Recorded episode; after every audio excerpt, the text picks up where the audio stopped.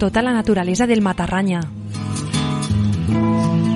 Escalant, caminant, corrent o en bici.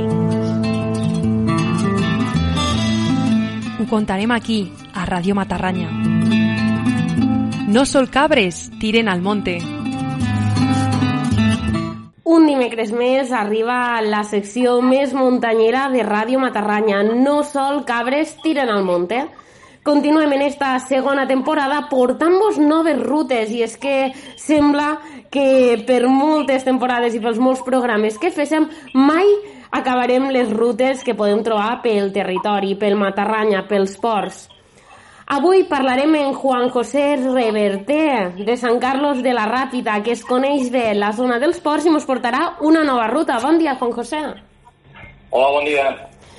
Bueno, avui anem a portar-nos una altra ruta. Conta-nos en quina modalitat anem a fer? En escalada, en bici, en caminar? Què mos portaràs? És, és senderisme, caminar. És, és una ruta bastant assequible. Al final, una miqueta més divertida, més, més grimpadora, apta per a tots els públics, però no és aconsellable per en crios, perquè al final ja és una mica pedregós, unes pedres bastant grans, una mica d'incòmodo, però bueno, es, es pot anar qualsevol, eh? Ara ho explicarem en un momentet. Primer, ja saps que ens agrada conèixer la trajectòria dels muntanyeros que venen a visitar Ràdio Matarranya. Conta-mos a tu això de la muntanya, quan te comença a cridar l'atenció, quan ho comences a viure? Bueno, jo tota la vida de, de, de xocotet, que aquí a la Ràpida tenim la Serra del Montsià, que no, evidentment no és com els ports, però bueno, té el seu atractiu també, i sempre he anat.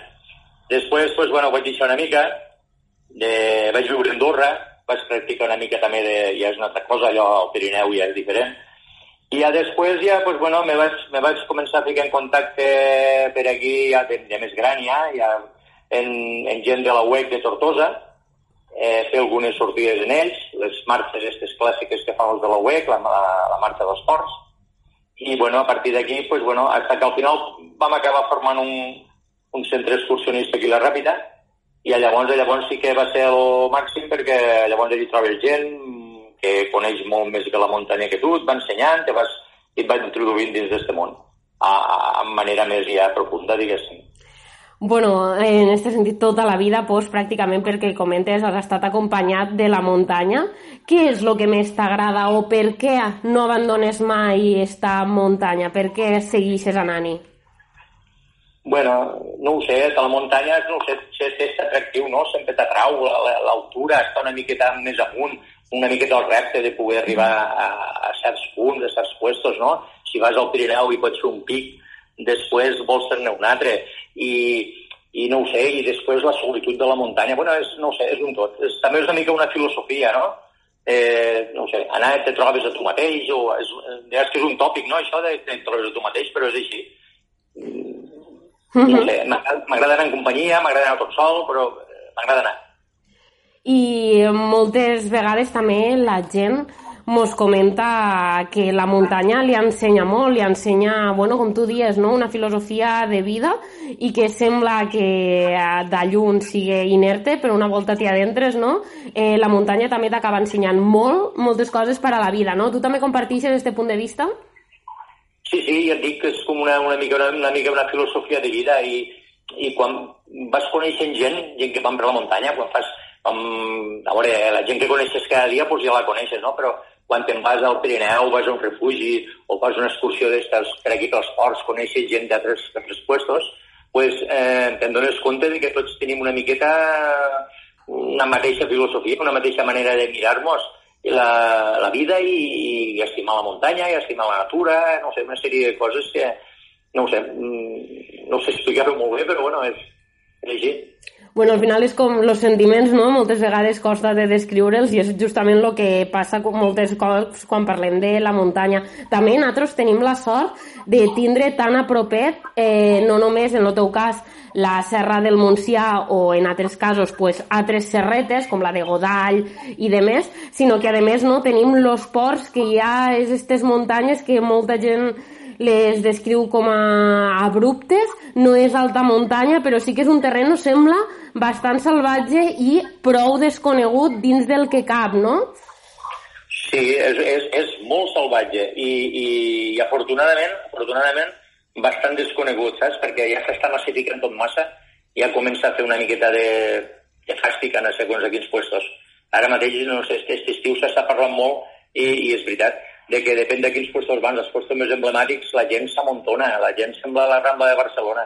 I, i podries anar a altres puestos i, i al final acabes optant per això, per anar a buscar puestos mm, que són tan iguals, tan bonics o, o més, però no són tan famosos. Ara la gent li ha pegat tots a anar-se'n a la Neto, a anar-se'n a, a aquests pics del Pirineu importants, a la Pica d'Estats, aquí i allà, i quan hi ha tres puestos, començant pels ports, i com que sigui per, pel Montseny, eh, per les Guilleries, i per Catalunya hi ha mil puestos preciosos per anar, no, i no cal anar tots al mateix puesto, no?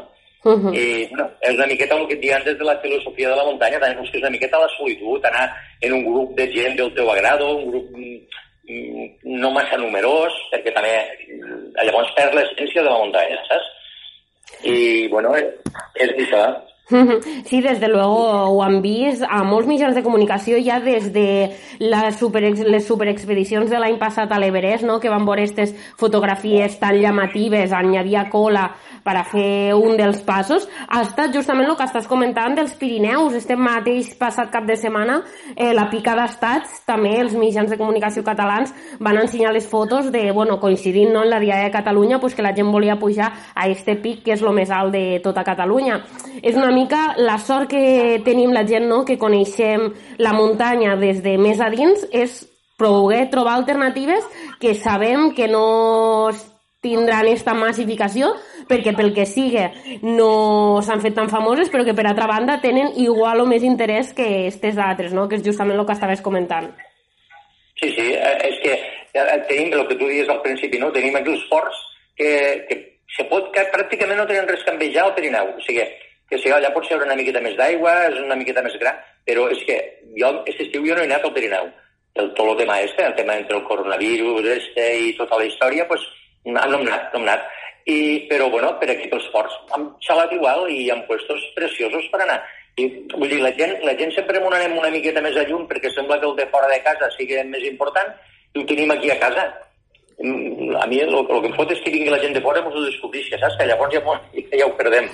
Però, bueno, eh, també està bé, no?, que em conegui la gent, tot és... Sí que compartir aquestes coses. Bueno, Juan José, ara sí, tu mos portes justament una ruta pels nostres ports.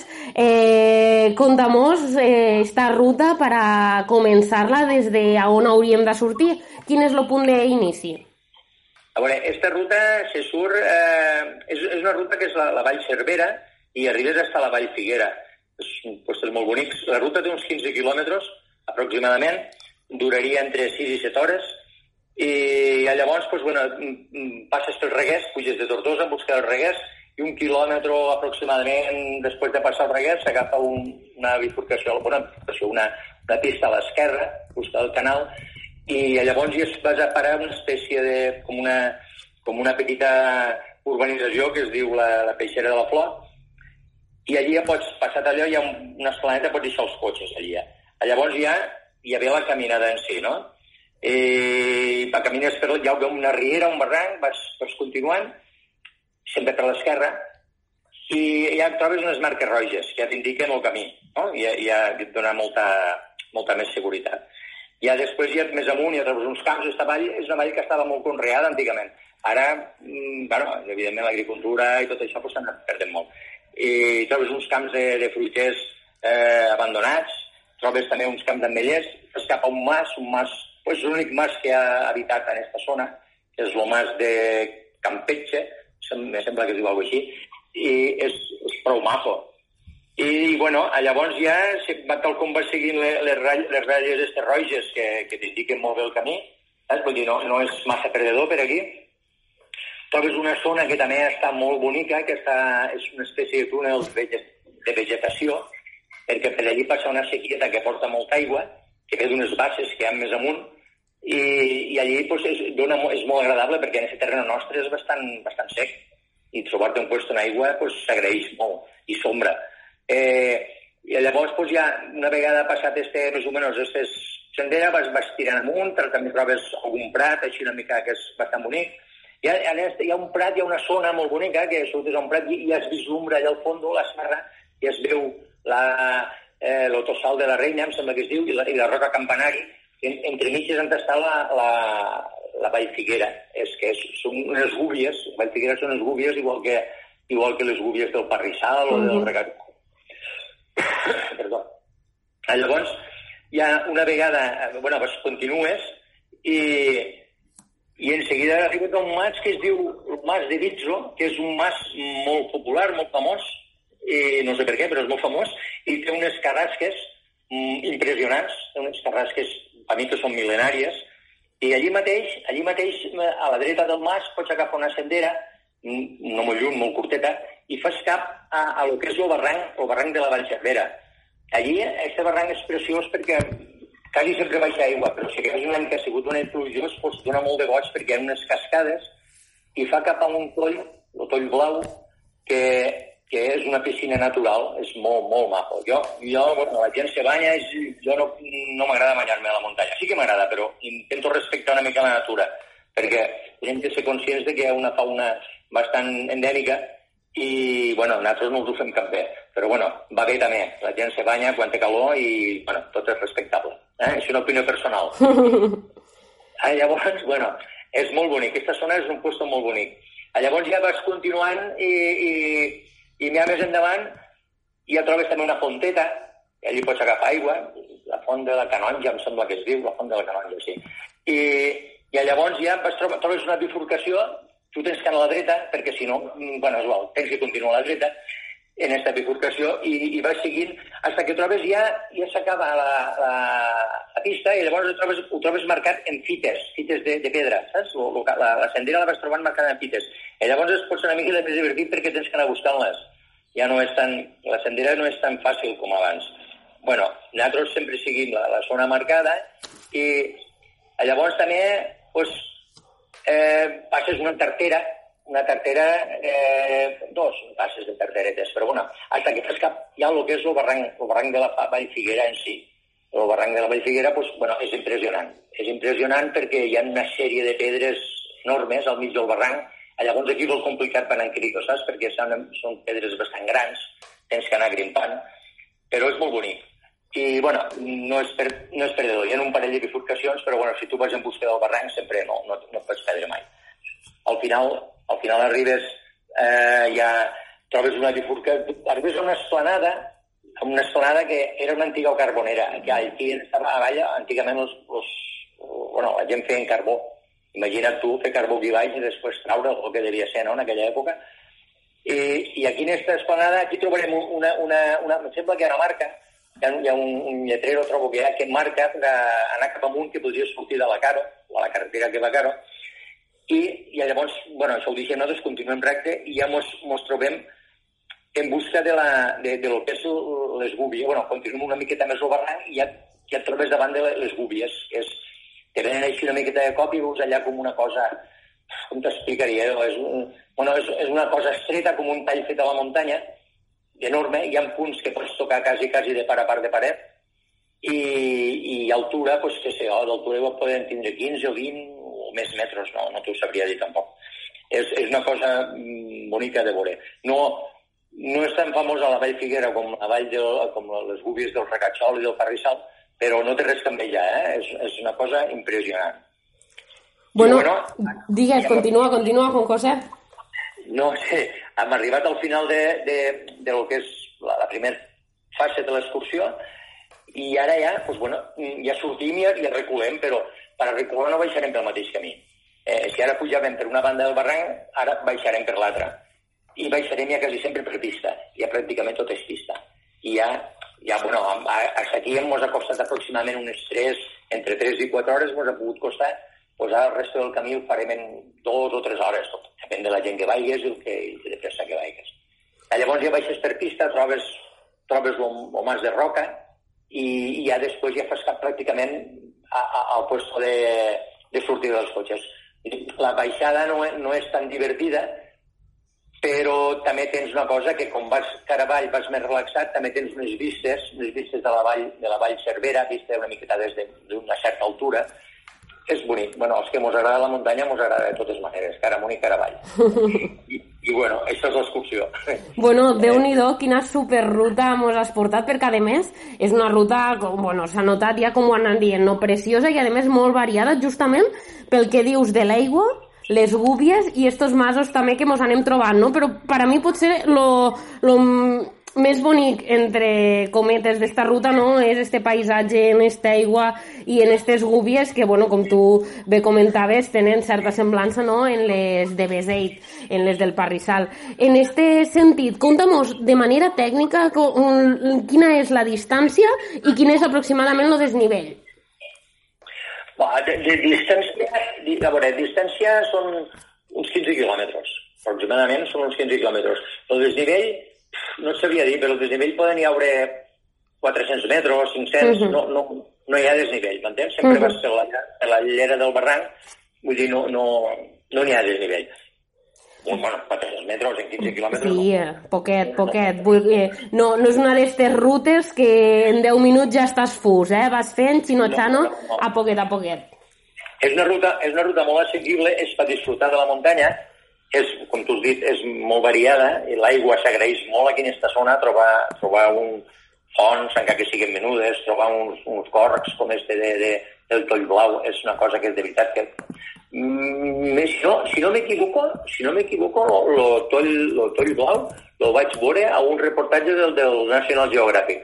déu nhi Això vol dir que deu, deu tindre la... Nosaltres potser no el valorem prou, però hi ha gent que ho valoreu, no? La gent que ha fet fotos i ha fet reportatges, uh mhm. -huh. i quan deu tindre el seu, la seva importància és lo típic no? que, que has comentat tu també abans, que al final molts de cops no li donem importància al que tenim aquí i venen els de fora i al·lucinen, no? I és el que ens passa també en la zona dels ports, que al final nosaltres la tenim molt assimilada, però la gent quan ve de fora pues, eh, se sorprèn moltíssim i molt gratament, no?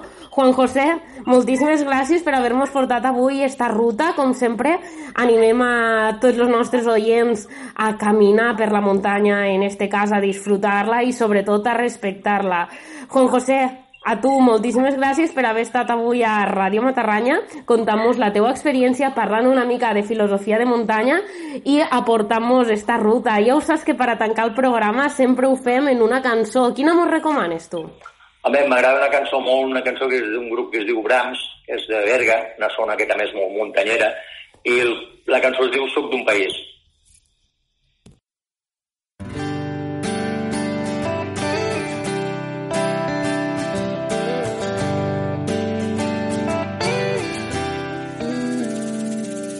Soc d'un país que de cert ve d'antic que ha passat molt de temps oblidat i oprimit. Soc d'un país on de la por se'n diu seny, que camina un pas endavant i dos enrere. Soc d'un país que es desfà a poc a poc i entre il·lusions i frustracions mal de per sortir endavant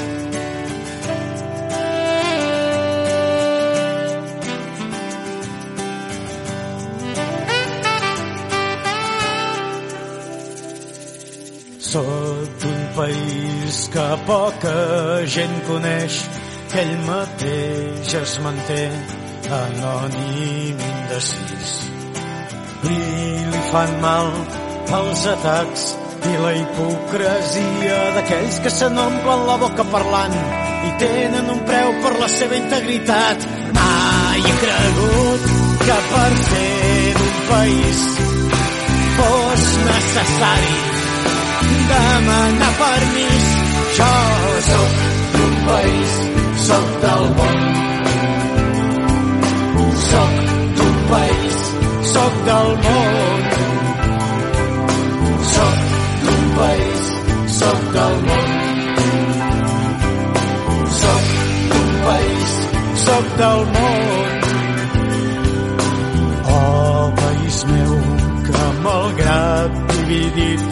Sàpigues destriar de la gens les virtuts. Que trobis un camí de llibertat, que creixis cap endins, que el teu futur sigui crear en comptes de conquerir. Que el teu jovent et faci perdre aquest mal seny i que portin el teu mar a dintre les venes que siguis un país del món. Que siguis un país del món. Que siguis un país del món. Que siguis un país del món